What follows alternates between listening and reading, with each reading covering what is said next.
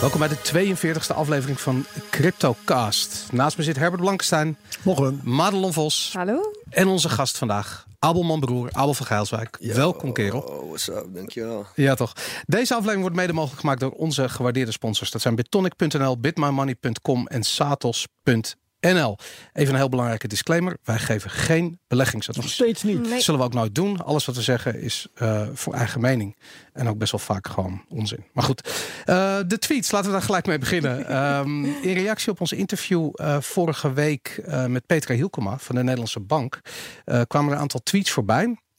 Ehm, en vorige week zei zij eh, dat er regelgeving aan zit te komen rondom wallet providers. En daar reageren een aantal mensen op, waaronder Sjors Provoost.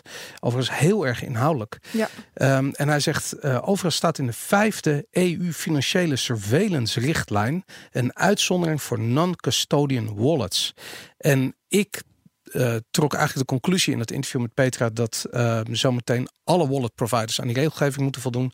Eh, en hij zegt, eh, en Sjors zegt terecht van nee, dat geldt niet voor non-custodian wallets. Want er zijn non-custodian wallets. Ehm, eigenlijk wallets die eh, open source zijn, die gemaakt zijn eh, door partijen die niet per se toegang tot jouw bitcoin hebben. Bijvoorbeeld een Ah. blockchain.info wallet. Ja, dus waar, waar die regelgeving van de EU over gaat, is dat eh, banken zo meteen ehm, eh, eh, eh, eigenlijk onder strengere regels komen te vallen op het moment dat zij bitcoin wallets gaan aanbieden, dan bijvoorbeeld gewoon de Samurai wallet die je kunt downloaden of je hardware wallet. precies. die Dus het gaat Exchanges over en wat- dergelijke. Wat, je noemt web wallets. Ja, ik weet niet of dat, maar goed, custodian Wallets wallets die zijn achter een account zitten. Inderdaad, custodian beheer, wallets ja. over het algemeen zijn grote bedrijven achter die ook eh, eh, eigenlijk jouw wallet storen. Dus bijvoorbeeld de wallets van eh Bit My Money Exact, of ehm, eh, eh, Bitonic, dat zijn eh, voorbeelden van ja, custodial wallets. Custodian. Ja. Even kijken, we kregen nog een, eh, een tweet van eh, Luc Colou aan, eh, aan Abel gericht. Je mag kiezen, Abel. Oh. 100 bitcoins Ja, of een. Drake feature op je volgende project. Ja, ik zag die inderdaad. Ik heb, er- ik heb er echt hard over nagedacht. En ik ga toch voor de 100 bitcoins.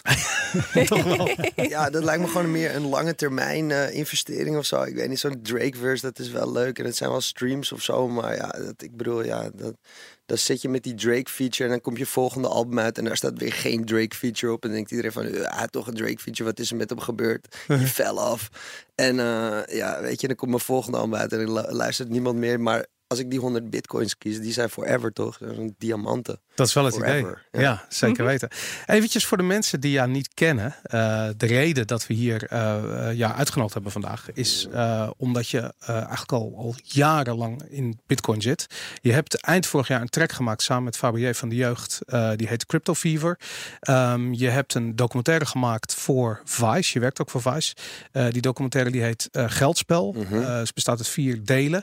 Eh, daarin heeft onder andere eh, econoom Thomas Bolle van Follow the Money meegewerkt. Die hier ook een keertje te gast is geweest. Absoluut. Ehm, en we hadden zoiets van, ja, het wordt de hoogste tijd om te gaan praten over eh, crypto in de media, bitcoin in de media. En Mhm. we dachten van, ja, je hebt eigenlijk al die aspecten. Als je naar de, de, de, de ICO-hypes en vooral de artiesten die erachter gaan staan. Maar Ja. ook gewoon eh, partijen als Vice die opeens zien van, hey, jongeren zijn bezig met crypto, we doen erbij. Absoluut. Dus daar gaan we straks uitgebreid over praten. Het. Eh, zodra we de, de tweets hebben afgewerkt, Daniel Mol heeft er nog eentje gestuurd. Eh, en die vraagt: eh, waarom is het sentiment in de mainstream me- media vrijwel altijd negatief rondom Bitcoin en crypto? Helemaal als je het vergelijkt met andere onderwerpen binnen tech of finance. Ik kijk even rond. Wie heeft Ja, daar? we hadden ja. daar dus vorige week over dat je zoveel eh, negatief nieuws krijgt. En ook heel erg oppervlakkig dat je op een gegeven moment denkt, nou weet je, ik moet hier zelf maar inspringen. Want ik kan het nog beter dan wat de mainstream media je doet. En waarom? Dat vind ik heel lastig. Herbert, weet jij daar? Nou ja, ik, ik kan daar ook alleen maar over speculeren. Maar ik heb daar dus wel een idee over. Ja, Ehm, bij de mainstream media is de deskundigheid niet zo heel dik gezaaid. En eh, als die niet dik gezaaid is, dan is er vooral onwennigheid. En die vertaalt zich snel in angst. Ja. En Ja, ik, ik dat denk dat dat het in grote lijnen is. Abel, ben je het daarmee eens? Als je naar Ja, Vice kijkt bijvoorbeeld. ver- verkoopt ook beter, toch? Eh, s- eh, s- slecht nieuws. Clickbait, angst zaaien, absoluut. Dat is natuurlijk een, eh, een, een grote issue inderdaad. En er komt bij dat, dat sommige grote mediabedrijven... die zitten natuurlijk ook redelijk dicht bij de financiële wereld. Bijvoorbeeld omdat ze op de beurs genoteerd staan... of eh, omdat ze grote investeerders hebben. En dan is ehm, eh, een hele voorzichtige, sceptische, wantrouwende houding tegen bitcoin... Ja. is eh, iets natuurlijk wat, wat, wat voor jou dicht bij huis is. Ja, Ja. Ik, ik, ik denk ook dat soort van... Kijk, het goede nieuws zijn allemaal kleine dingetjes. Weet je wel, en kleine dingetjes, dat is niet een sappig verhaal. Terwijl als, het, als, die, als die bitcoin in één keer vet veel procent naar beneden tieft, dan heb je gewoon een, een solide verhaal, weet je wel. En al die, dat goede nieuws zijn allemaal kleine stapjes, die komen er wel in, maar dan is het een klein stukje en niet een soort van pagina met, hé, hey, de bitcoin is weer helemaal kut gegaan. Ja. Weet je, Dan, mijn moeder appt me als ze heeft gelezen in de Volkskrant dat de bitcoin helemaal kut is gegaan, maar er wordt niet bericht als het weer een beetje beter gaat en uiteindelijk weer veel beter dan toen hij naar beneden donderde, weet je wel. Dat is gewoon geen nieuwsbericht. Nee. Ja, en wat Herbert dus ook al zegt, het is vaak lastig om te doorgronden. Bijvoorbeeld een update zoals Lightning of Rootstock. Of ga dat maar eens uitleggen aan het algemene Ja, het is publiek, om het zo maar te moeilijk, zeggen. Ja, Ja. ja, ja. Nou, en het, het, het tegenovergestelde van de, het, het nieuwsbericht van Bitcoin stort in elkaar, is natuurlijk het nieuwsbericht van Bitcoin bereikt een nieuwe all-time high. Ja. En dat is zeldzaam. Dat gebeurt misschien één keer in het jaar, één keer in de twee jaar, één keer in de drie jaar. Eh, maar wanneer eh, is, het, is het kommer kwel? Nou, dat is eh, elk jaar zeker een aantal keer. Dus dat, Ja. eh, Nee, maar wat je hebt, kijk, toen, toen Bitcoin eh, eind, en trouwens eh, de hele cryptowereld eind vorig jaar de lucht in ging, toen was er wel aandacht, maar Ja. die aandacht was ook behoorlijk wantrouwig en sceptisch. En eh, dat zit hem dus volgens mij in, in de onwennigheid, de angst dat nou ja, er misschien gezaagd wordt aan de poten van de financiële wereld. En, dat soort zaken ook meer. omdat er gewoon heel veel cowboys zijn natuurlijk, hè. Gewoon die er vandoor gaan met een miljoen. Dat, heb, dat is gewoon... Ja. Dat, is, dat voedt het wantrouwen en, en dat onderdeel van het wantrouwen is natuurlijk terecht. Mhm. Ja. Absoluut. Nou goed. Ehm, het nieuws. Eh, er is een boel gebeurd afgelopen week. We gaan het nog niet direct over de prijs. Ja, zeker. Zeker met de prijs. Dus eh Madelon eh, die kan zo meteen eh, eh, eh, een fantastisch verhaal afsteken, denk ik. Maar daarvoor gaan we eerst heel eventjes naar het nieuws. Ehm, Herbert, zou jij willen beginnen met je nieuws? Ja, ehm, wat kwam ik tegen? Eh, de Security, Securities and Exchange Commission in de Verenigde Staten die gaat over het al of niet eh, eh, waarheid worden van een, eh, hoe heet dat, een ETF. Ja. Dus een fonds, eh, voor, even voor de luisteraars die dat niet weten, eh, waar je aandelen in kan kopen. En het fonds koopt dan voor jou bitcoin, zodat jij die zelf niet eh, hoeft te, kopen, op te slaan en te bewaken. En zo kun je toch in bitcoin beleggen. Daar wordt nog altijd heel veel van verwacht. De baas van de Securities and Exchange Commission, meneer Jay Clayton, die heeft een aantal dingen opgesomd waarvan hij zegt die moeten verbeteren, veranderen voordat wij zo'n ETF kunnen laten doorgaan. En dat vond ik wel interessant, want ehm een daarvan was bijvoorbeeld dat de ehm, eh, markt niet langer moet kunnen worden gemanipuleerd. En daarvoor was iets nodig dat hij noemde, nou fiets ik even, eh surveillance, surveillance. Ehm, kortom, om het even te vergelijken met de aandelenbeurs. eh, de aandelenbeurs is zwaar gereguleerd. Partijen die heel veel aandelen hebben in een be- bepaald bedrijf, die moeten dat bekendmaken. Mhm. Partijen die grote eh, hoeveelheden aandelen, aandelen kopen of verkopen, die moeten dat bekendmaken. En op die manier eh, kun je een vuist maken tegen marktmanipulatie. Ja. Meneer Kleten zegt, eh, wij willen geen marktmanipulatie. Willen, eh, voor in, in het geval van zo'n ETF willen wij kunnen bieden aan investeerders dat die markt ook inderdaad veilig is. Dat je daar eh, met vertrouwen je geld in kan steken. En dat moet dus geregeld worden. Je- Dat is heel interessant, omdat eh, daarmee in ieder geval concreet wordt gemaakt wat er moet veranderen, wil zo'n ETF mogelijk zijn. Ja, je zou de, het idee krijgen dat het een negatief persbericht is, maar het wordt heel positief opgevat. Ja, en ik vat het ook positief op. Want eh, eerst dacht ik, hey, hij formuleert nu eisen waar helemaal niet aan voldaan kan worden. Eh, tot ik een beetje verder las in dit bericht op CNBC. Eh, wa- waarin dus staat dat allerlei partijen, zoals onder andere het fonds eh, Gemini van de broertjes Winklevoss, die zijn met dit soort zaken al lang bezig. Mhm. En er wordt dus al aan gesleuteld om dit realiteit te laten worden. Ja, Dus aan de andere kant geloof ik niet, want, want de, die ETF die zou eerst, eh, nou ja, lang geleden al komen. En toen zou die in december komen en nou weer in januari en weet ik veel. Ik denk dat het nog wel wat langer gaat duren. ja. Want dit zijn wel dingen die eh, gewoon hele duidelijke en uitvoerige regulering vereisen.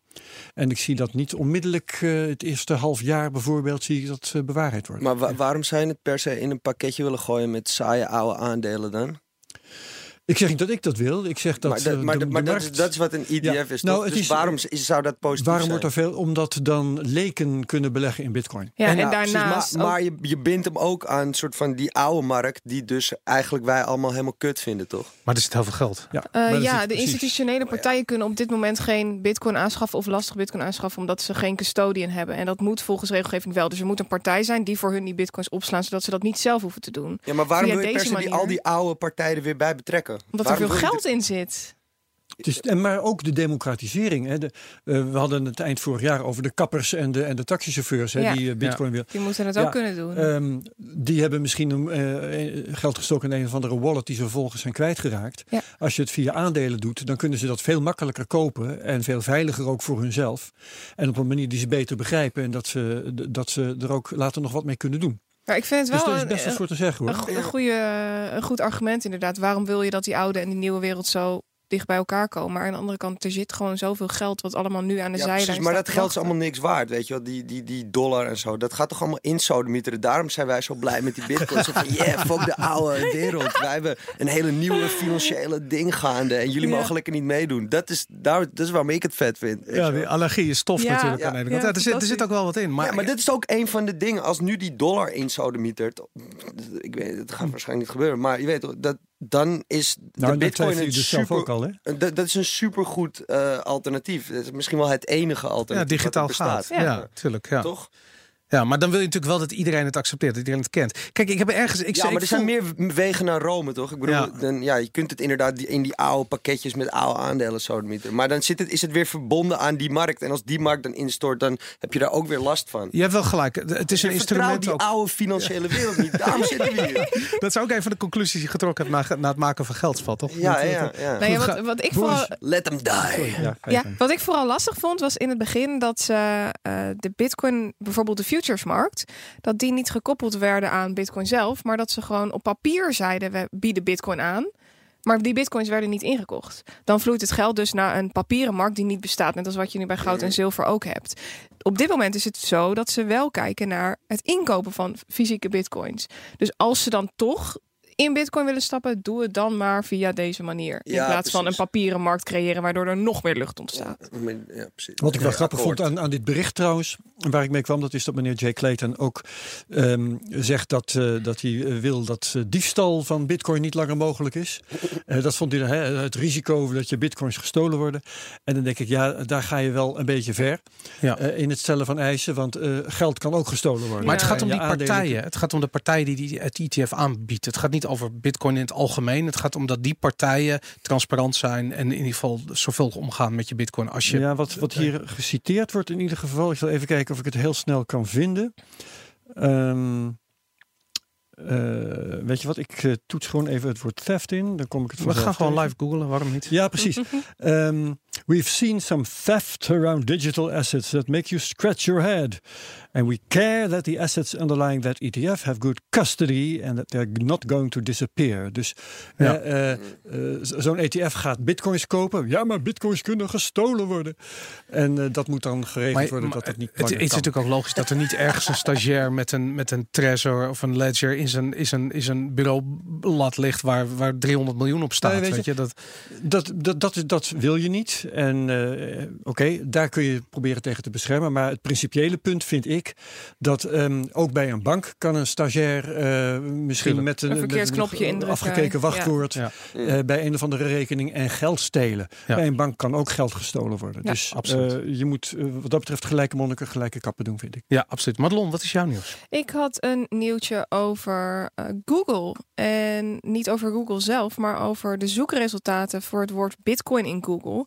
En ik vond het heel erg interessant, want eh, we zitten nu weer op het niveau van april afgelopen jaar. Althans, als je kijkt naar de wereldwijde zoekresultaten. En toen dacht ik, ik ga voor de gein even eh, de Nederlandse trend er ook bij pakken. En dan zie je dat Nederland veel hoger ligt en dat we dan op eh, ongeveer februari uitkomen.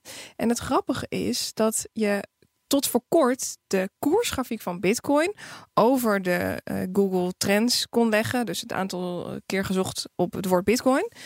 En die was bijna identiek. Maar wat je nu ziet, is dat de koers nog steeds naar beneden duikt. Alleen er wordt meer gezocht naar het woord bitcoin. En is dat dan over welke periode hebben we het? Dan hebben we het over een periode vanaf uh, 28 oktober tot aan nu. Een maand. Ja. Ja. en in die maand is dus de zoekterm Bitcoin veel hoger geworden, maar de grafiek gaat omlaag. Terwijl voor de rest, als je de grafiek over die zoektermen heen legt, Ja. is het identiek. Wat interessant, want ik zou, ik zou niet weten waarom mensen nu massaal op bitcoin gaan zoeken. Behalve dat ze misschien een manier willen, eh, willen vinden om het te shorten of iets dergelijks. Ze, ze hebben gehoord dat hij goedkoop is, toch? Nou ja, Maar is die, waar is die uitverkoop? als je weet, als je weet bitcoin Friday. short is, dan hoef je niet te gaan zoeken wat bitcoin is. Absoluut. Nee, dat is waar. Nou, ik vond het gewoon een hele interessante gewaarwording. En eh, het feit dat er nog steeds interesse is naar Bitcoin, dat stelt mij wel gerust. Ja, nou dat, is, eh, dat mogen duidelijk zijn. Eh, Abel, je hebt een, ehm, eh, een, een, een column meegenomen. Eh, Oh ja, ja, die eh, van de Forbes. Uit Forbes, ja. Ja. Precies. Eh, ja, die mevrouw legt zeg maar uit dat ehm, eh, waarom zij dus denkt dat de Bitcoin toch eigenlijk wel een topidee is, ondanks dat de prijs eh inkukelt. Eh, en dat een van de dingen die zij noemt is wat ik net zei, is dat het eh, dus losstaat van die oude financiële markt, weet je, die helemaal gammel en soort van schuld upon schuld upon schuld upon schuld is eigenlijk. En eh, dit is een soort van eh, ding wat misschien wel heel, ehm, hoe noem je dat? Volatiel is. Is dat een Nederlands woord? Ja, ja, hoor, ja. top eh, is. Maar, ehm, maar dat is. Het toppen daaraan is dat het daardoor wel los kan staan van die hele oude markt. Dus als er daar iets mee gebeurt, dan is dit een, een soort van goede safe haven. Ja. En ik weet even niet wat ze. Ik was eigenlijk al de punten die ze zei, dacht ik, ja, zie je? Eindelijk iemand die het zegt. Nou, en, eh, wat ik interessant vind, want zij, is, eh, zij heet Katina Stefanova. Ik heb even een artikeltje erbij gepakt. En eh, zij eh, is eh, investment fund manager eh, en heeft verstand van alternatieve markten. Nou, ik neem aan dat crypto daar een van is. En zij zegt eigenlijk dat verhaal wat je heel vaak hoorde in die, in die boelmarkt. Weet je, die fundamentelen worden nog eens uitgelegd van de schuldenberg die we hebben. En kunnen we allemaal niet meer terugbetalen zometeen. En daarom bitcoin. En dat, eh, zij zegt van het is eigenlijk gewoon een hele goede bet.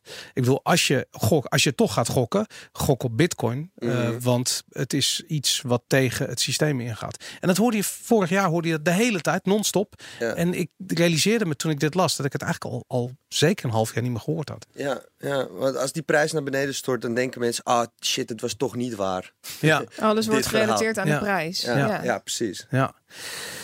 Absoluut, de prijs. Goed, ik had nog een, eh, een klein bericht meegenomen. En dat ging over dat de Amerikaanse overheid eh, twee Iraniërs met hun Bitcoin-adressen op de zwarte lijst heeft geplaatst. En dat is zo'n lijst eh, die is onderdeel van hun sanctie, de sancties die ze tegen Iran afkondigen. Maar ook terroristen kunnen erop komen staan. En wat is er nou interessant aan, is dat die. ehm, eh, dat die bitcoin-adressen erop staan. Nou, die twee Iraniërs die hebben iets geflikt met ehm, eh, ransomware. En dat hebben ze jarenlang hetzelfde bitcoin-adres voor gebruikt. Er staat nu 6000 bitcoin op. Dus het is niet heel erg handig van ze. 6000. 6000 bitcoin Zo. staat erop. Meestal is ransomware niet zo succesvol. Nee. Nou, ze doen, het, goed. ze doen het al jaren, dus je weet niet Ja. hoe lang ze bezig zijn. Maar Ja. wat er heel interessant aan is, is de discussie die erachter ligt. En dat is namelijk dat dus bitcoin-adressen met daarop de bitcoins die erop staan, dus vervolgens op een zwarte lijst komen te staan. Dat betekent dat als jij zo meteen in het bezit komt eh, van een van die bitcoins of een stukje van zo'n bitcoin bijvoorbeeld, dan eh, val je eigenlijk onder de, onder de Amerikaanse regelgeving. En dit is, dit is grijs gebied. Dit is, er is nog niks bekend. Maar we hebben eh, de afgelopen jaar heel vaak het woord fungibility eh, gehoord. En fungibility wil zeggen dat bijvoorbeeld 1 euro altijd 1 euro is. Ook al is hij afkomstig van een drugsdeal of een beroving met een moord tot gevolg. Maakt niet uit. Die euro is nog steeds die euro. Nou ja, je hebt natuurlijk wel op briefjes dat er een bepaalde cijfer of code opgedrukt is, dat je daardoor het briefje zou kunnen volgen. En als je dan ergens weer terugkomt... Maar het gaat om, niet om volgen, het gaat om het accepteren ervan. Dus op het moment dat Ja. jij ermee naar de Albert Heijn gaat, zul je altijd je boodschappen ermee kunnen betalen. Ja, ja, dat is waar. En, en dat is het fungibility eh, eh, eh, eigenschap van, Ja. van geld. En eh, in het Nederlands heet het fungibiliteit, heb ik opgezocht laatst. Maar eh, anyways, dat, eh, de, de discussie bestaat omdat Bitcoin natuurlijk volledig te herleiden is. Alle transacties tot en met eh, het moment waarop de coin gemined is. Ja, maar als ik ga, stel dat ik geld, stel dat jij op de zwarte lijst staat met jouw adres. Jij, jij eh, betaalt mij iets. Ja. En ik ga vervolgens met mijn bitcoin naar Albert Heijn, bij wijze van Ja. Dan gaat Albert Heijn niet checken waar ik ooit mijn bitcoins vandaan heb gehaald. Zij accepteren gewoon die bitcoin voor die betaling, toch? M- Maar als de Amerikaanse overheid tegen Albert Heijn zegt van luister eens even, je doet zaken met eh, Iraniërs en die staan op een zwarte lijst. En dat hebben we bewijs voor, want dat kunnen we zien, want die bitcoin is afkomstig van die gasten. Mhm. Eh, dan zijn ze aansprakelijk. Dus als het rechtstreeks contact komt met de Iraniërs. Want ik weet natuurlijk niet als ik op een exchange bitcoins koop van wie die bitcoins vandaan komen. Nee. Nou. En Dus- bovendien, Dus bovendien dat is een goed punt, maar dat zou je zeggen van dus de exchange is verantwoordelijk Ja, voor het achterhalen want en dan het wordt het echt grijs eh, Maar, gebied. maar dat bedoel ik, dus die verantwoordelijkheid wordt daar doorgeschoven. Want die exchanges hebben ook zoiets van, ja, maar hoe moeten wij dat nou weten? En, eh, maar uiteindelijk, de Amerikaanse overheid, dat is natuurlijk, ik bedoel, dat is een, een, een gorilla. Weet je, op het moment dat je daar ruzie mee hebt, dan heb je een probleem. Iemand heeft een probleem zometeen. En dat is heel erg interessant, dat we dus, eh, dat het nu voor het eerst dat er een voorbeeld is, waarbij die fungibiliteit eh, eh, aspecten eigenlijk zichtbaar worden van Bitcoin. En dat het, dat het duidelijk wordt van, ja, we moeten hier iets mee. Weet je, Bitcoin moet een soort van eh, eh, ja, hoe noem je dat? Eh, privacy features Mhm. krijgen, zodat het niet te herleiden is wie er achter welke transactie zit. Weet waarom vind jij dat dat moet? Want aan de andere kant, als dat geld gebruikt wordt voor eh, criminele activiteiten, laten we het daar even op gooien, dan weet ik niet of ik daar helemaal mee eens ben dat het dan volledig. eh, Nee, Maar en als je het maar- vergelijkt met, met die kwestie van de Securities and Exchange Commission eh, daarnet. Die zeggen wij willen eh, handel in bitcoin zodanig reguleren dat eh, nou, bijvoorbeeld Wales de markt niet kunnen manipuleren. mhm. Dan moet je ook dit soort dingen kunnen Ja, maar kunnen dat is, traceren. dat is wat Dat anders. is wel een net. Het gaat ja. erom van wie is die bitcoin afhang- afkomstig. Kijk, eh, voor hetzelfde geld, het tientje wat je nu in je zak hebt, eh, misschien is daar gisteren wel is, die, is dat wel geroofd van iemand op straat. Dat weet je niet. Maar jij zult nooit die daad koppelen aan de waarde van dat stukje papier wat in je zak zit. Maar even praktisch, hè? Ehm, eh, ik, ik zei net, jij betaalt mij, iets, jij staat op een zwart lijst, jij betaalt mij iets, ik ga naar Albert Heijn. Stel, ik heb, pak een beet, eh, vijf bitcoins, mijn hele kapitaal. Ehm, ik krijg van jou een tiende bitcoin en Ja. ik ga bij Albert Heijn een eh, pond gehakt kopen voor, weet ik veel, 0, zoveel. Ja.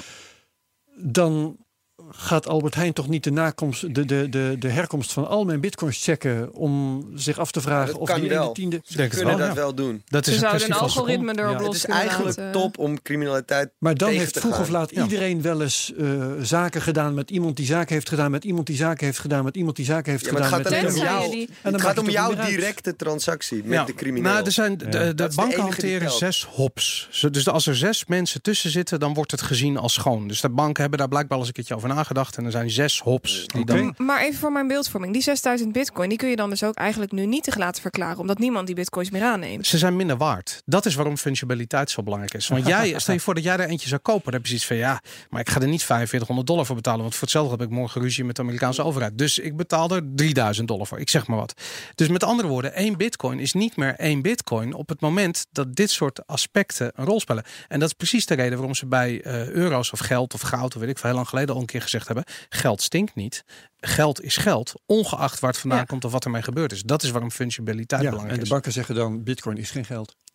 Ja, nou ja, goed. En dat is waar we het nu dus in zitten. Daarom is het nog zo Ja. vroeg. Ik vind het wel heel mooi eigenlijk. Want hierdoor zou je dus juist hoe meer criminaliteit er in bitcoin plaatsvindt, hoe meer ons geld gezamenlijk waard wordt. Omdat eigenlijk die hoeveelheid bitcoins juist minder waard worden. De Nieuw geminde bitcoins zijn daarom meer waard. Dat, zou dat zou je kunnen eh, Ja. zeggen inderdaad. Ja. Maar ja, aan de andere kant, eh. Abel, wat jij zegt, dat bitcoin totaal niet geschikt is voor wat voor vorm van misdaad dan ook. Dat is duidelijk. Het is Ja. volledig transparant. Ik begrijp het ook niet als er bitcoin gestolen worden, dat mensen dat doen. Want vroeger of later komen die bitcoins weer in, in, Ja. in aanraking met het Met netwerk. geld. Ja. En dan is het weg. En dan, dan word je gepakt. En, maar de mensen die dat doen, die weten dat nog niet. Nee, dat is, het, dat is het ding. Mensen snappen. Maar goed, die lessen moeten ook nog geleerd worden.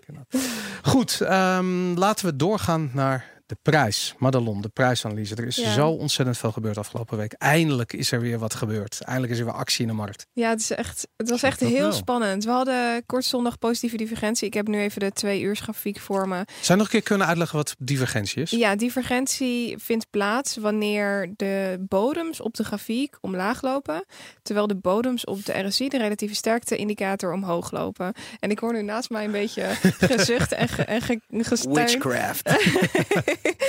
maar eh, die eh, positieve divergentie die eh, is nu ja, uitgebroken, om het zo maar te zeggen. Dus we zijn nu ehm, vanaf een bodem van 3480 uitgebroken naar 3000 4350 ongeveer. En daar zie ik voor nu ook een, ehm, ja, we zouden nog ietsje door kunnen stijgen tot 4 4500, maar dat is zijn max. En daar ligt nu het plafond. Ik verwacht niet dat we daar overheen gaan. Ik heb nu kortstondig alweer een klein beetje negatieve divergentie. Dus ja, je gaat dan nu vragen, was dit de bodem? ik heb hem letterlijk staan hier. Ehm, was dit de bodem? ik verwacht het niet. Oké. Ik, eh, ja, ik zie dat. Ja, er is een behoorlijk grote kans dat we nog iets verder eh, terugzakken. Ja, we hebben weer steun rond die 3500. En vanuit daar moeten we even verder kijken wat de RSI dan doet. Maar voor nu eh, verwacht ik niet dat. dat En hoe vind je dat het, dat, dat het herstel eruit ziet? Ehm, Ik bedoel, hij vliegt omhoog, toch? Ja, het herstel lijkt op een mooie head and shoulders. Maar op het moment dat we nu niet boven die... eh, Even kijken, als ik een breed pak 3480 uitbreken... dan gaat die head and shoulders niet op. 4380. Eh 4380, sorry. Eh, dan gaat die head and shoulders niet op en dan ja, lopen we langzaam weer leeg naar beneden. En ja, die RSI geeft aan, we zitten nu heel hoog. Dus er is gewoon een behoorlijk grote kans dat we weer terug, eh, teruggaan. En, En dat- ik snap wel dat je denkt, het ziet er wel redelijk mooi uit. Maar voor mijn beeldvorming is deze opwaartse beweging veel te snel gegaan. Ja, ik, ik snap Net het. zo snel als de neerwaartse beweging. En dat zou niet moeten. Het zou heel langzaam, rustig gaan. Saai, stukje bij beetje Ja, ja, als we echt een mooie bodem willen zetten. Maar er, ja, dit is een begin. En ehm, ja, het is, het, het is een mooi begin. Ik, ik heb zelf heel erg dat eh, de vorige crash die ik heb meegemaakt, dat was, eh, eh, die heb ik niet zo bewust meegemaakt op die manier. Dat was Mount Gox 2013. Ja. En ehm, ik, ik, ik, ik heb nu echt geprobeerd om op te letten, om het te beleven, om het te voelen, om te, om te kijken of ik paniek Ervan te genieten. Nee, ja, maar, maar be- ik, wil, ik wil het herkennen op de volgende momenten dat het zich voordoet. En ik ben heel erg. Wij, Madelon, we hebben ook wel eens gehad, hier- ook hier in een uitzending over. eh, is dit paniek bijvoorbeeld? Mhm. Eh, eh, en op een gegeven moment was er geen paniek. En toen op een gegeven moment was er iets van. Dat leek wel een beetje op paniek. ja, het is weet nu je? wel paniek. Er is toch paniek, ja. Ja. Da- daar- daar- en, en ik heb zoiets van, als dit dan paniek is, dan weet ik hoe het eruit ziet. Volgende keer dat ik het meemaak. Maar paniek kan een tijdje aanhouden. Hè? Ik, ik vertelde vorige week al dat ik voor mijn eigen privéportefeuille al iets was, was begonnen met bijkopen. Maar paniek, dat is niet iets wat eh, eenmalig plaats hoeft te vinden. Het kan best zo zijn dat vaker over de tijd mensen gaan denken... ja, maar nu ben ik het echt helemaal zat. En bij de een ligt dat level misschien iets hoger dan bij de andere. Ja, Dus dat, dat is, een, is een proces. Kijk, de grafiek is natuurlijk een, een tekening van wat wij met z'n allen voelen, vinden, denken. Het is echt de psychologie van de markt wat je ziet in een grafiek. ja. En die paniek, dat kan echt nog wel even voortduren. En wat ik nu ook zie, trouwens, dat heb ik nog niet verteld, het volume loopt af. En dat betekent dus dat eh, het aantal kopers ook aan het afnemen is. Dus dat zou ook weer negatieve divergentie zijn op het En dan kunnen we weer naar beneden. Ja. Ja, ik, eh, kijk, het is natuurlijk ook op het moment dat je ingestapt bent eind vorig jaar. En zeker als je ingestapt bent in altcoins, dan ben je 90 plus procent van je wat geld wat je erin hebt gestoken, ben je nu kwijt. En als dat nog niet tot paniek geleid heeft, dan weet ik niet wat er wel tot paniek leidt. Want Mhm.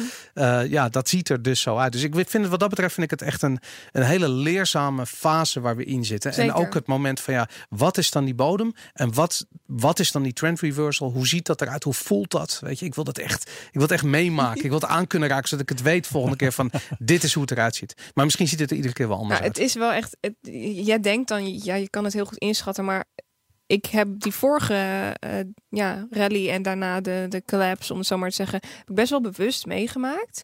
Maar ook dan nog vind ik dit ook weer lastig, want iedere cycle lijkt erop, maar is toch weer totaal anders. Ja, ja. Abel, jij was aan het zuchten. Witchcraft zei je. Wat, wat, wat, wat is jouw Ja. eh, visie op technische analyse? Technische analyse is kwakzalverij natuurlijk. dat Hoe- weten we allemaal. hoe dat zo? Nou ja, het is gewoon... Kijk, jij, kijkt, jij gaat de toekomst voorspellen aan de hand van het verleden. Nee, Namelijk, je weet soort van wat bepaalde eh, ehm, eh, patronen... wat dat betekent voor, het, voor de toekomst. Ehm, zal ik het heel kort even uitleggen? Want ik krijg hier lezen. Ik krijg hier heel vaak vragen over van mensen die zeggen: je voorspelt de toekomst. Ik doe geen voorspelling. Ik ben analist. Ik kijk op basis van gebeurtenissen die plaatsgevonden hebben in het verleden. Dus bepaalde patronen waar je het net over had. Eh, aan de hand daarvan maak ik een wiskundige berekening. Hoe vaak is dat patroon plaatsgevonden of heeft dat Mhm. plaatsgevonden? En op basis daarvan kun je zeggen: Nou, nadat dat patroon geweest is, hebben we in 80% van de gevallen een opwaartse uitbraak gezien. Dan ga ik daarop anticiperen. En op het moment dat dan de koers daar uitspringt, kan ik gaan kopen. Want ik weet, een heleboel eh, mensen nemen posities in op basis van technische analyse. Ja, precies. Het werkt alleen omdat andere mensen ook denken dat het werkt. Dat, dat zou kunnen. Het zou Maar- en het laat- En het zijn. laat de echte wereld, laat het soort van buiten schouw. Gewoon de echte wereld, wat er gebeurt buiten. Wat, de chaos van het universum. Laat het totaal buiten Als je alleen naar technische analyse kijkt, dan eh, ja, ik handel niet alleen op technische analyse. Ik kijk heus wel wat er gebeurt op de markt, eh, hoe, hoe bepaalde dingen lopen, wat het nieuws is Ja, en dergelijke. Maar ik, ik snap wel dat je als buitenstaander denkt, ja, je zit maar een beetje naar lijntjes te kijken en je tekent wat. En Gewoon de meeste Ja. mensen die dat doen, die verslaan nooit de markt, toch? Maar Londen dus wel. Ja, precies. Nee, maar kijk, dat is, dat is waar. Er zijn mensen die de, die de markt verslaan. En misschien, kijk, maar kijk, als wij met z'n allen nu eh, op, de, op de vluchtstrook van de A10 gaan staan. en we steken allemaal tegelijk over, is er wel kans dat één van ons overleeft. De kans bij Madelon is wel, wel groot hoor. dat is Madelon. Ja.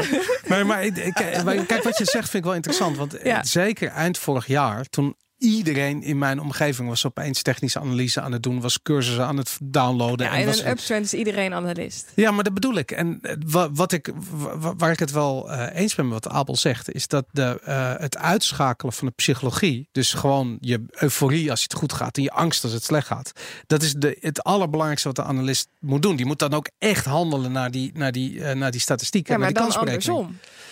Ja, nee, maar ik bedoel, wat, wat ik zeg is van dat kan 99% van de mensen kunnen dat niet. Die kunnen Nee, die emotie precies. niet achterlaten. Ja, Maar heb jij de, de, de grote crash gewoon, als je de, als je de grote grafiek ziet, die hele down, da, neerwaartse beweging, heb je die overleefd? Heb je die verslagen? Ik ben er wel relatief goed uitgekomen. Laten we het daarop precies. houden. Ja, precies. We gaan Beter- straks naar het beter spel, dus dan, dan Nee, ga je het horen.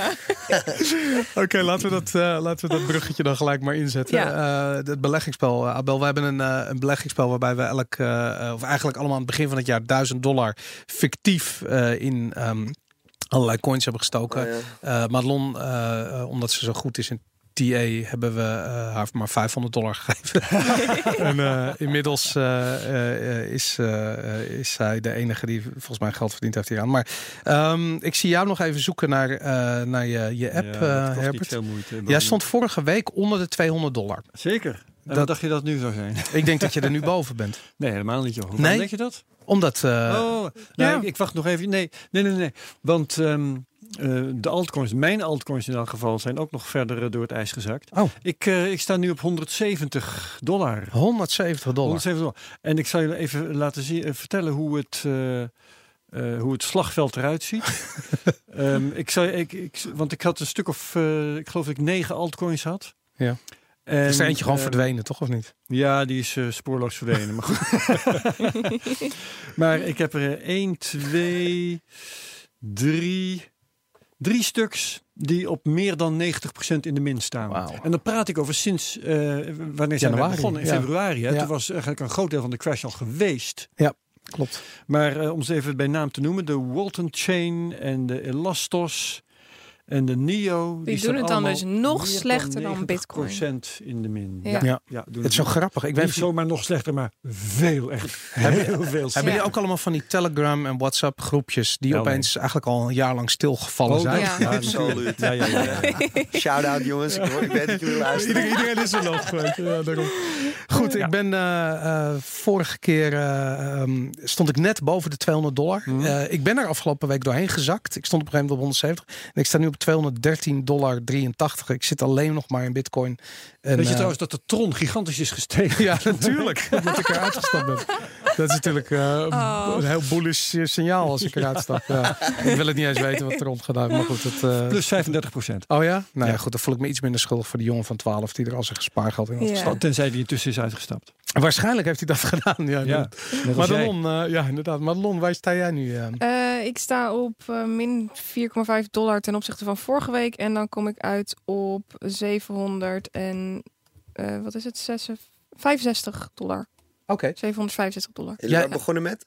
500. Ja, ze had winst gemaakt. Dat is ongelooflijk. Hey, en ehm, je zei vorige week van je hebt heel veel eh, eigenlijk niet in crypto nu zitten. Ik bedoel, je, Mhm. je bent all cash of bijna all cash. Ja, klopt. Ehm, die, die bodem van 3600, toen ben je niet all in gegaan?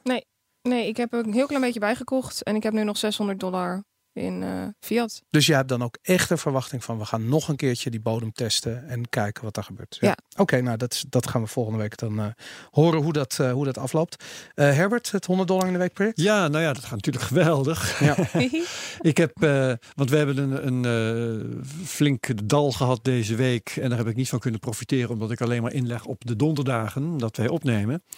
Eh, maar even goed ben ik weer voordeliger uit dan vorige week. Want vorige week was de koers op donderdag 4500 nog wat. En nu is het 4200 nog wat. Bizar eigenlijk. We hebben 3600 gezien. Dus dat, Ja. Ja, ja, ja. Nou ja, goed. eh, dat is Bitcoin. Maar in ieder geval, ik heb nu dus 0,023 en nog wat eh, voor, eh, Bitcoin voor mijn 100 dollar. En even snel de cijfers. Eh, mijn, ik, ik heb intussen 3500 dollar ingelegd. De waarde is 2207 dollar. Dus daarmee sta ik 63, sorry, sta ik 37% in de min. Oké, goed werk. Dat wel. Eh, maar ik sta nu intussen, vorige week stond ik een halve dollar eh, beter dan als ik alles in één keer had ingelegd, weet je nog wel. Mhm. En Ja. nu sta ik bijna 40 dollar in de plus vergeleken met als ik alles in één keer had ingelegd. nou, ik vind het toch dus het, ja, eh, ja, het, is- het is langzaam, maar zeker gebeurt Ja. er. Het is een leuk, eh, leuk experiment nog steeds. Top. Wij gaan door met Abel. Abel, mijn broer. Alright. Ik ga eerst even wat laten horen. En ik heb hier namelijk een, eh, een YouTube video openstaan. Crypto Fever. En die is van 19 september 2017. Never working, never work again. I pull up with a fat wallet full of crypto coins. Sweet online guap with a crypto boy. Stunting digital. Hella decimals on the blockchain. Feeling like a Digimon. Blockfolio, sick polio. Abletron, Bitcoin, Don Corleone. I- ICO, IZ zeros. Ethereum, Gamma is ICO. I'm a Poloniex, spending all my euros. I get geek watching tutorials. About bit tracks, getting big stacks. Might snap, take the whole squad to six. Ik probeer hem weg te faden op YouTube, maar dat lukt niet. Dat kan hier niet. Even kijken, Crypto Fever. September 2017. Echt het begin van de grootste bullrun aller tijden. En Vroeger jij, was alles beter. maar echt, maar hoe, hoe dan dat je op, in september 2017 eh, op het idee komt om een... eh, nou, het idee snap ik nog wel, maar dat je die Ja. timing zo perfect, perfect. hebt. eh, Ja, dat is gewoon de euforie, toch? Ja. Want Pe- Pepijn zit ook in dat, eh dat eh, Fabio zit ook in dat crypto-app groepje waar, waar ik dus in zit. Waar het al heel stil is. stil is. Eh, ja, en dat was gewoon, dat, dat waren de hoogtijdagen. Je weet nog, daar werden ook de hele tijd nieuwe mensen toegevoegd. Ja. Oh, voeg hem even toe. Ah, de presentator van het klokhuis erbij. Gezellig. Eh, ja, dus zo, maar dat was de sfeer. En dan zit je in de studio en dan van ja, waar gaat die, waar gaat die track over? Eh, crypto, de. Eh, en, dan- en, dan- en dan is dit er ineens. uit. ja.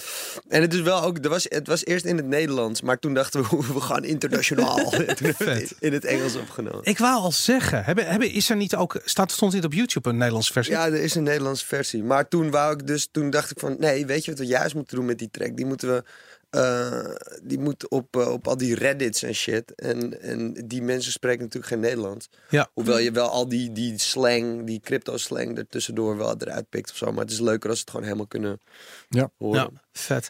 Hey, jij bent eh, ehm, eh, naast muzikant, rapper, ben je tv-presentator. je werkt bij Vice. ehm, je hebt Geldspel gemaakt, de serie over economie eigenlijk van Vice.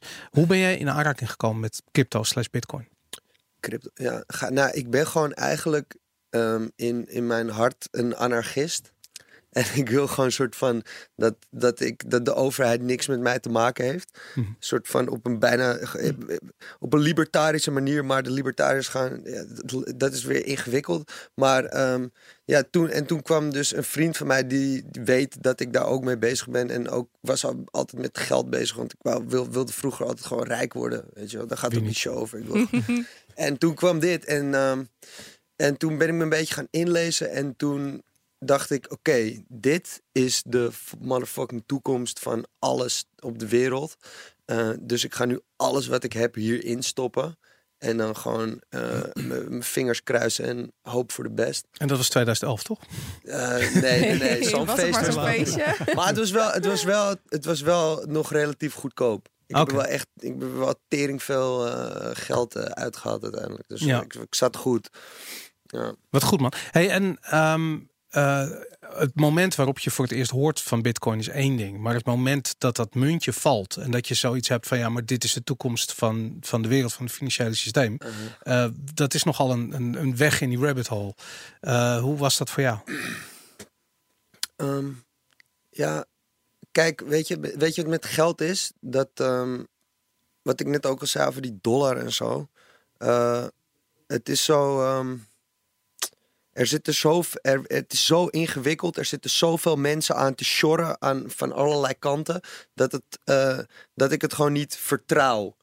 En dat had ik altijd al een beetje in mijn achterhoofd. Ik vertrouw het niet helemaal van. Want er was ook al. de, eh, toen was. Dus die bestaat eigenlijk. De, de, de dollar vals, die docu. Ja. Ja. En dat soort dingen. En daar zat ik altijd wel in. En dat was ook een soort van bankencrisis geweest natuurlijk. Waardoor ik me was in, gaan inlezen in van oké, wat doet een bank precies? En hoe werkt dat? En waarom? Eh, en ik had altijd al het vermoeden dat het niet helemaal eerlijk ging, weet je wel.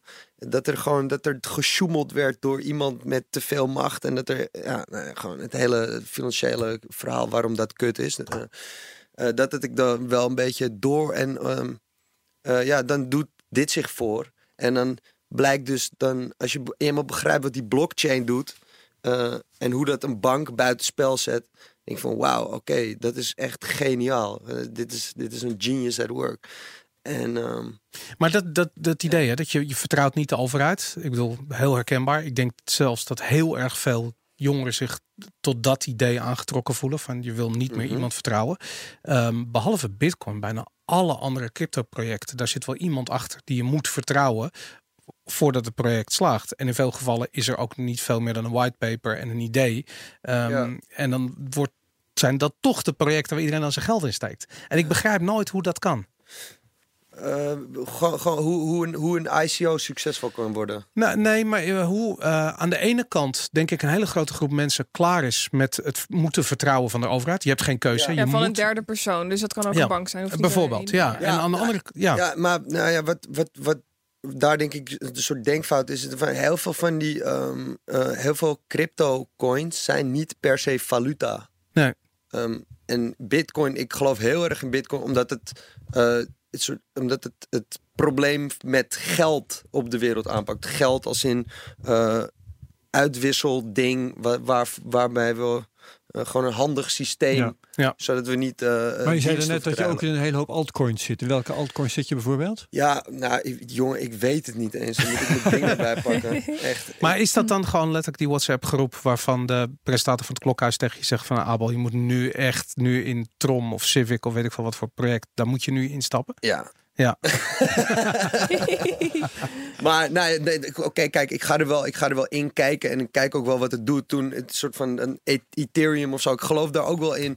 Eh, maar niet als eh, valuta. Dat, ik zie dat als hele andere dingen. Kijk, die andere zijn gewoon eh investerings... Ja. eh, Mogelijkheden. En gewoon niet- hopen rijk te worden. Sorry? Dat is gewoon hopen dat je rijk wordt. Ja, precies. En En, Bitcoin- Bitcoin, geloof ik echt in Ja. als een soort van als een soort force die de wereld gaat veranderen of zo. En ik denk ook dat Ethereum dat kan doen, maar op een heel ander eh, in een heel andere wereld dan de, dan de geldwereld. En ik denk over het algemeen is, is het, zijn het meer soort van interessante eh, aandelen in bedrijfjes die niet eens per se een blockchain hebben. Ik heb bijvoorbeeld een coin van een eh, of die heb ik uiteindelijk niet gekocht, maar in ieder geval die bestaat.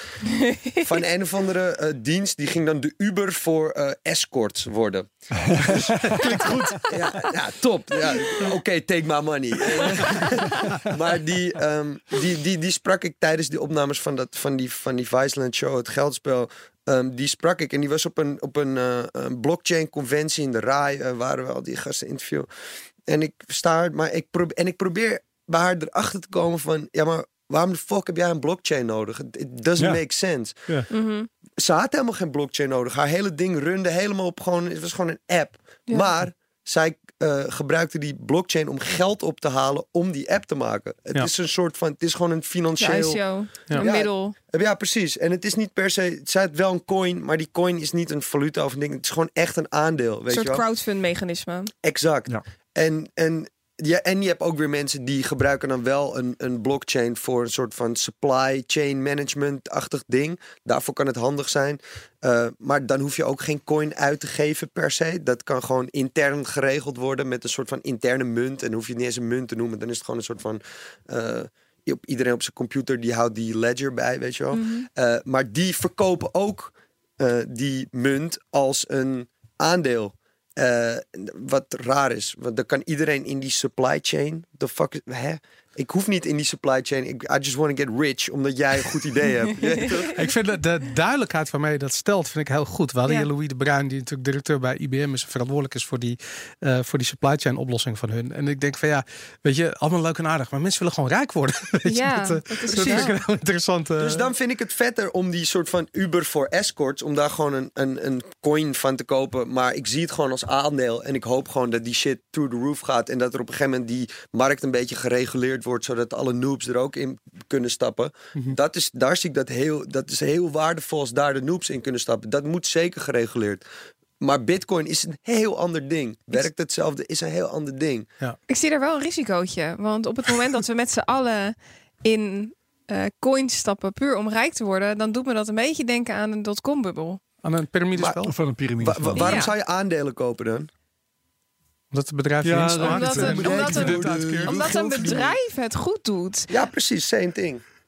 Maar op het moment dat jij je geld eh, in een project stopt, wat eigenlijk nog niks van de grond heeft, dus wat bijvoorbeeld nog geen winst maakt, dan is Nee, het maar het is wel meer een een soort van- risicootje. Ja, tuurlijk. Maar Dit is ook een precies, risico. Het is High een risk, durfkapitaal. high risk. Ja, ja, ja. Het is gewoon inderdaad een soort van crowdfunding. Alleen in plaats van een eh, koffiemok, eh, als het proje- project eenmaal ge- gefund is en rond en gelanceerd. En je hebt 10 euro ingelegd en dan krijg je in ruil een Ja. koffiemok. Als je nu 10 euro hebt in- ingelegd, eh, krijg je in ruil, als het goed gaat, 100 euro terug. Ja, Ja. De koersstijging. Ja. Hey, heel even over Vice. Eh, die geldspel-documentaire, die zat ehm, eh, heel erg goed in elkaar. Omdat er een heel duidelijke vraag gesteld werd aan het begin. En dat was namelijk van hoe, kun, hoe kan ik, jij als presentator zei naar de kijker, hoe kan ik rijk worden?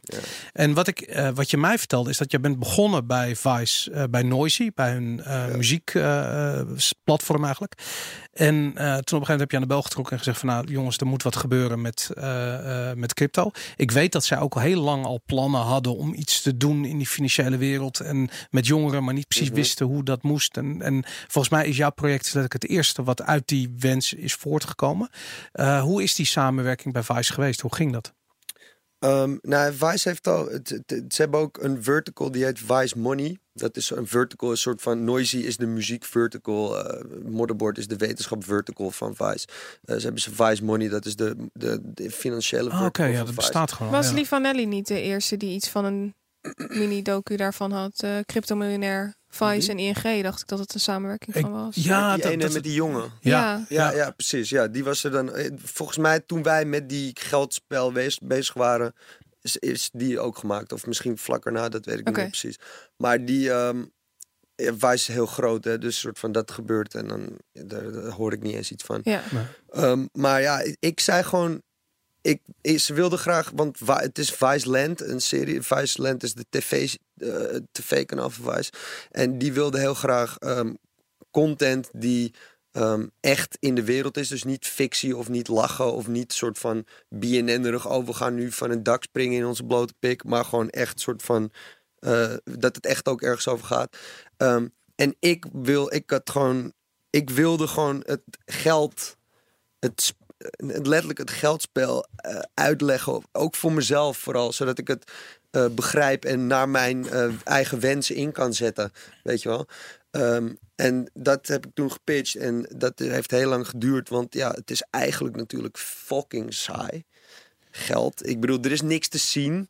Uh-huh. Weet je, behalve het soort van hele rijke, hele arme mensen, dat doet het goed op beeld. Maar soort van, ja, weet ik veel, hier, eh, de, hier is het. eh, De redactie van de- de, de FT Media Groep. FD. Oeh, Dat is ook wel heel saai. het is heel saai. Gewoon banken, mannen in witte oude mannen in pakken. Maar Ja. daarom is de invalshoek ik wil rijk worden zo aardig. Omdat het Ja. daarmee, eh, ja, dan krijg je iets om mee te ident- identificeren als kijker. Precies, ja. En dan kun je ook soort van naar. En dan kun je ook eh, je mij volgen naar soort van rare grote gebouwen en zo. En dan wordt het soort van visueel, wordt het wat. En eh, ja, toen we dat.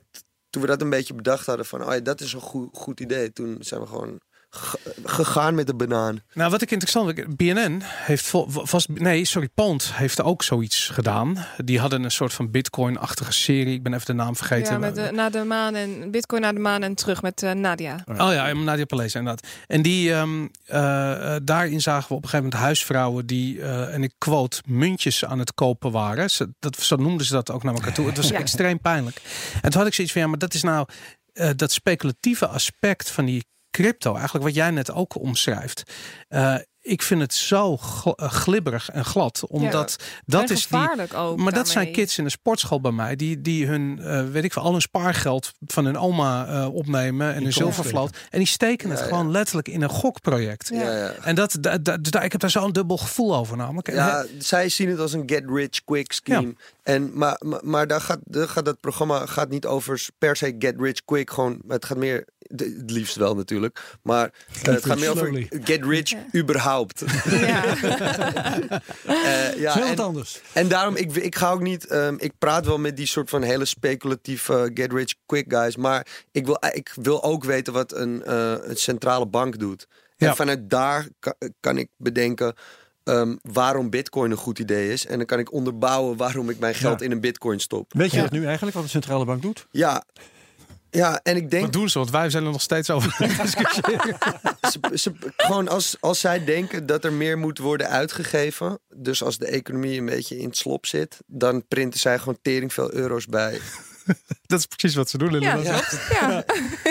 Petra Ja. Hielkema verwoordde het iets anders vorige week. Maar het is Ja, inderdaad maar- natuurlijk maar wel wat er, dus, gebeurt. Wat, wat zij dus niet goed doen, eh, als we het er toch over hebben.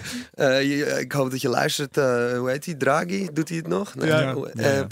wat zij dus niet goed doen, is dat het soort van. Zij printen er heel veel bij en dan geven ze het aan eh, commerciële banken.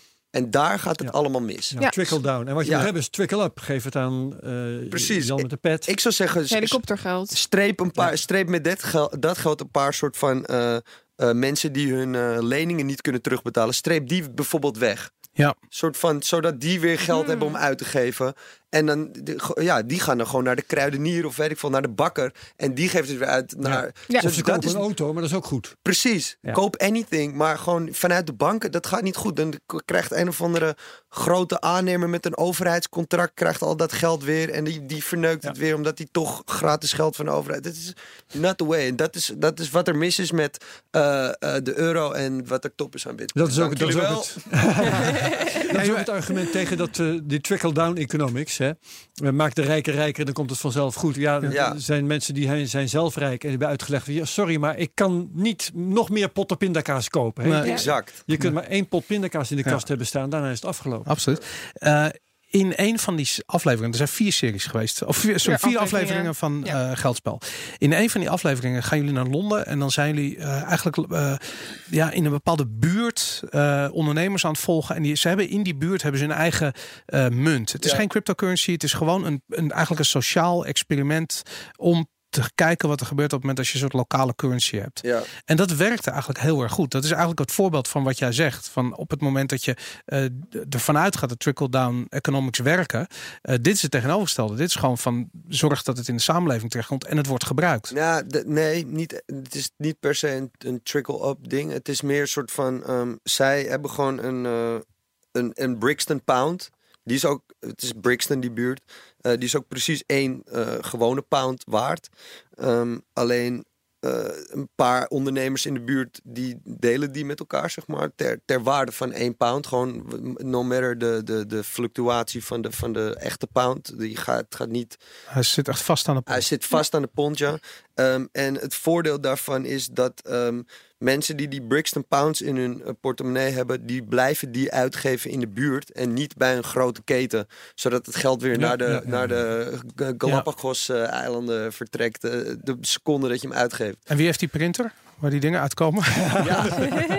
die hebben zij gewoon in een soort van, een soort van hipster cafeetje staat die gewoon in de, in de kelder. En daar hebben ze een mooi, zo'n weet je, zo'n glimmend dingetje. En ja, het is ook niet echt de moeite waard om er zelf van gaan, te gaan printen, weet je wel. Soort Mhm. van, het is ook lullig, want je kent al die mensen. Ja. het, het is, het is wel echt gebaseerd op vertrouwen wat dat betreft ook. Ja. En- Maar Ja. ze hebben, da- daarom werkt het. Wat, wat vond jij, eh, eh, de, de, wat zijn de dingen die je echt geleerd hebt aan het maken van die serie? Want het is natuurlijk wel een hele persoonlijke vraag die je had, namelijk hoe word ik rijk? Ja, is, is je vraag hoe je rijk wordt? Ja, Moet hoe word je rijk? Ja, ik, nou, het is leuk. Ik, ik werd door FunX gebeld. eh, jullie concurrerende radiostation, het, eh, waar Hmm. jullie doelgroep natuurlijk eigenlijk zit. Blaast altijd naar Fernando. maar, ehm, en die vroegen dat ook. En toen zei ik dus tegen die mensen, nou, oké, dus eigenlijk werkt het zo.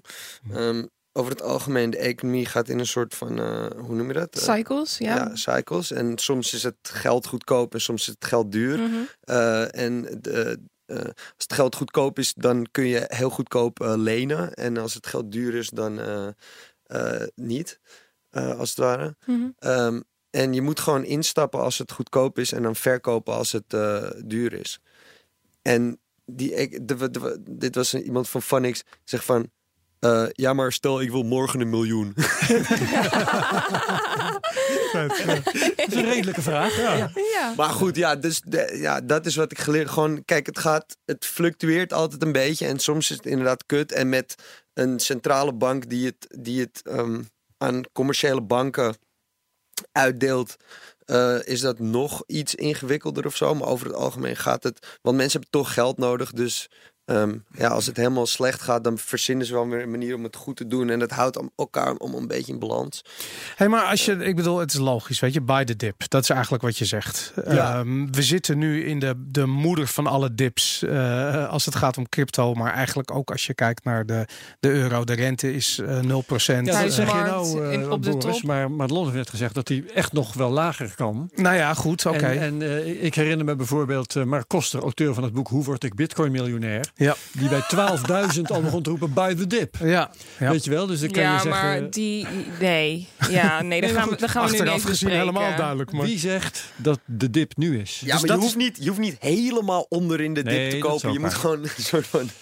Als Ja, je een beetje dan denkt... zorgen dat, je over een jaar geen spijt hebt. Ja, precies. Maar goed, Madelon, Lange termijn ding. dat hele ding, hè, ik bedoel, we, we, we kunnen hier heel ingewikkeld met een soort van de top van de economen in Nederland uitnodigen en gaan praten over, over, over geld en, en de eigenschappen van dit soort van dingen zoals bitcoin of van wat centrale banken doen. Maar uiteindelijk is het super simpel. Uiteindelijk is het buy the dip.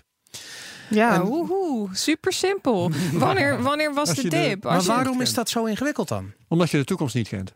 Ja, Ja, en dat is, dat is zo lastig. Want ik, ik zat van de week met Lex Hoogtuin, die hebben we hier ook in de studio gehad. En wij hadden het erover hoe Bitcoin uiteindelijk eh, zijn waarde kan krijgen of kan vergroten. Wat daarvoor nodig is. En als we dan kijken wat Bitcoin nu, eh, de tegenargument op Bitcoin is dat het zo volatiel is. Mhm. En het interessante is dat als je gaat kijken naar de euro, de euro is een stuk minder volatiel. Daar hangt een ECB aan vast. eh, die ja, zorgen voor prijsstabiliteit, dus haakjes inflatie. Ehm, dus geldontwaarding. Maar goed, dat even terzijde. Als je dan gaat kijken aan welke touwtjes de euro dan gekoppeld is. Als je daar bitcoin aan op zou hangen, zou bitcoin dan mainstream worden en zou het dan ehm, nog beter bruikbaar zijn. Want bitcoin is in eerste instantie een betaalmiddel. En wij vinden het zo interessant omdat je met bitcoin betalingen kan doen zonder tussenkomst van die derde partij. Dat is de basis van bitcoin. Ja. Maar op dit moment is bitcoin helemaal niet mainstream. Het wordt niet gebruikt om mee te betalen. Wat is dan alsnog die waarde? Bij blockchain weten we niet wat de waarde is. Dus het is een gedachte-experiment wat je eigenlijk constant aan het doen bent. Wat als dit, wat als dat. En het, je weet de Maar toekomst ik, niet. ik vind wat je zegt, je zegt een aantal dingen achter elkaar waarvan ik het helemaal niet eens ben. Bijvoorbeeld dat, Oh. dat bitcoin namelijk eh, niet volatiel mag zijn, ben ik het niet mee eens. Als betaalmiddel is een volatiele Ja, maar munt dat is totaal ding. niet handig. Bitcoin is helemaal niet een betaalmiddel. Dat is iets waar het zoals het is begonnen. Waar, laat ik zo zeggen, in en ik zeg we, maar wij met z'n Ja. allen als in Bitcoin liefhebbers. Ja. In 2013, 2014 hadden we een soort van obsessie van je wil shit kopen met je Bitcoin. Je wil naar de winkel rennen en een pizza kopen. Maar En stel, bitcoin is geen betaalmiddel. Wat is bitcoin dan wel? Precies. Maar maar dat dat is heel- gelijk. Nou, maar dat is, dat, dat, dat is, heel is het inter- lastige. Bitcoin is een aantal verschillende dingen. En Trace Mayer heeft daar bijvoorbeeld over gezegd: van Bitcoin gaat eerst een, eh, ehm, een, een, een eh, hoe noem je het, een eh, store, value zijn. Maar waarom is bitcoin dan een store value? Goud is een store value omdat je er het als sieraad kan dragen. Het wordt gebruikt in producten. Vertrouwen. Daarom wordt het gemined. vertrouwen. De waarde van goud zit hem heel erg in vertrouwen. Ja, het bestaat Bitcoin al niet duizend jaar. Nou, Bitcoin is daar nu aan het bouwen. Dat is wat je, dus dat zie je. te- Kijk, prijs is emotie. Ja, dat vind Dus- ik wel een interessant. Dat vertrouwen dat daar ook een koers op gebaseerd kan zijn en dus ook een waarde op. Maar, maar neem nou, stel je voor dat, dat laten we zeggen, dat vanuit gaan dat 3600 dollar blijkt de bodem te zijn. En dan gaat daarna weer omhoog. Ja. Dan hebben we met z'n allen opeens een soort bodem van vertrouwen. Van wat er ook gebeur- gebeurt, de bodem is altijd 3600 dollar. Als je bent begonnen met bitcoin op het moment dat het, weet ik veel, 100, 200 eh, dollar was.